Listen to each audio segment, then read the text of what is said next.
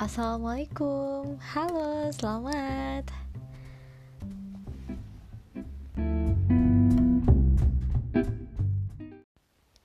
Hari ketujuh challenge hashtag 30 hari bersuara.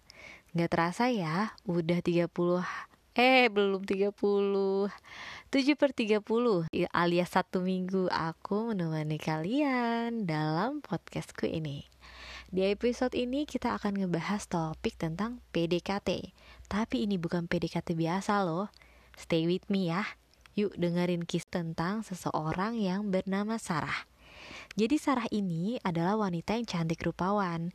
Ia tuh keturunan raja.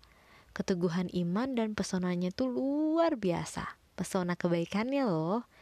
Nah, setiap hari nih Sarah itu suka menyendiri, dia itu suka memikirkan hal-hal yang ada di sekitarnya, dari hal kecil hingga hal besar. Terus juga di tengah kesendiriannya ini, Sarah merasa ada yang mendekatinya dengan cinta dan kuasanya tentunya. Nah, hidup Sarah ini tuh bergelimang harta. Semua bisa ia dapatkan. Sarah juga punya pelayan yang bisa disuruh kapan aja dan untuk apa pun. Tapi karena tadi aku bilang kan, Sarah ini pesonanya baik. Maksudnya pesona kebaikannya itu luar biasa. Keteguhan imannya juga bagus. Jadi Sarah ini itu sangat menghargai pelayan-pelayannya. Terus juga di setiap waktu sendirinya ini, ia mendapatkan PDKT. Nah, PDKT yang aku maksud ini tuh adalah perasaan dekat kepada Tuhan. Semakin hari, Sarah ini tuh semakin yakin atas kehadirannya. Sampai akhirnya, Sarah ini dijodohkan dengan kekasih Tuhan.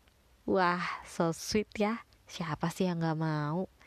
Udah punya kekasih dan ternyata kekasihnya itu kekasih Tuhan terus juga hmm, sampai oh iya aku baru ingat ternyata perasaan dekat kepada Tuhan yang Sarah alami ini gak cuma sebatas cinta kekasihnya tadi itu loh tapi juga cintanya.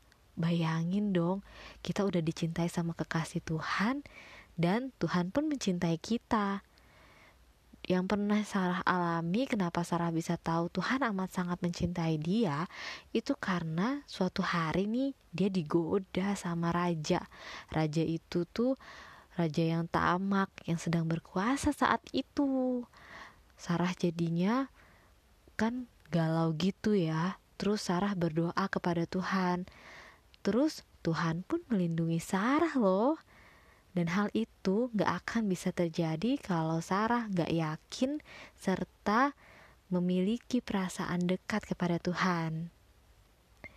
Refleksinya buat kita sobat berbagi, apakah kita sudah punya perasaan itu?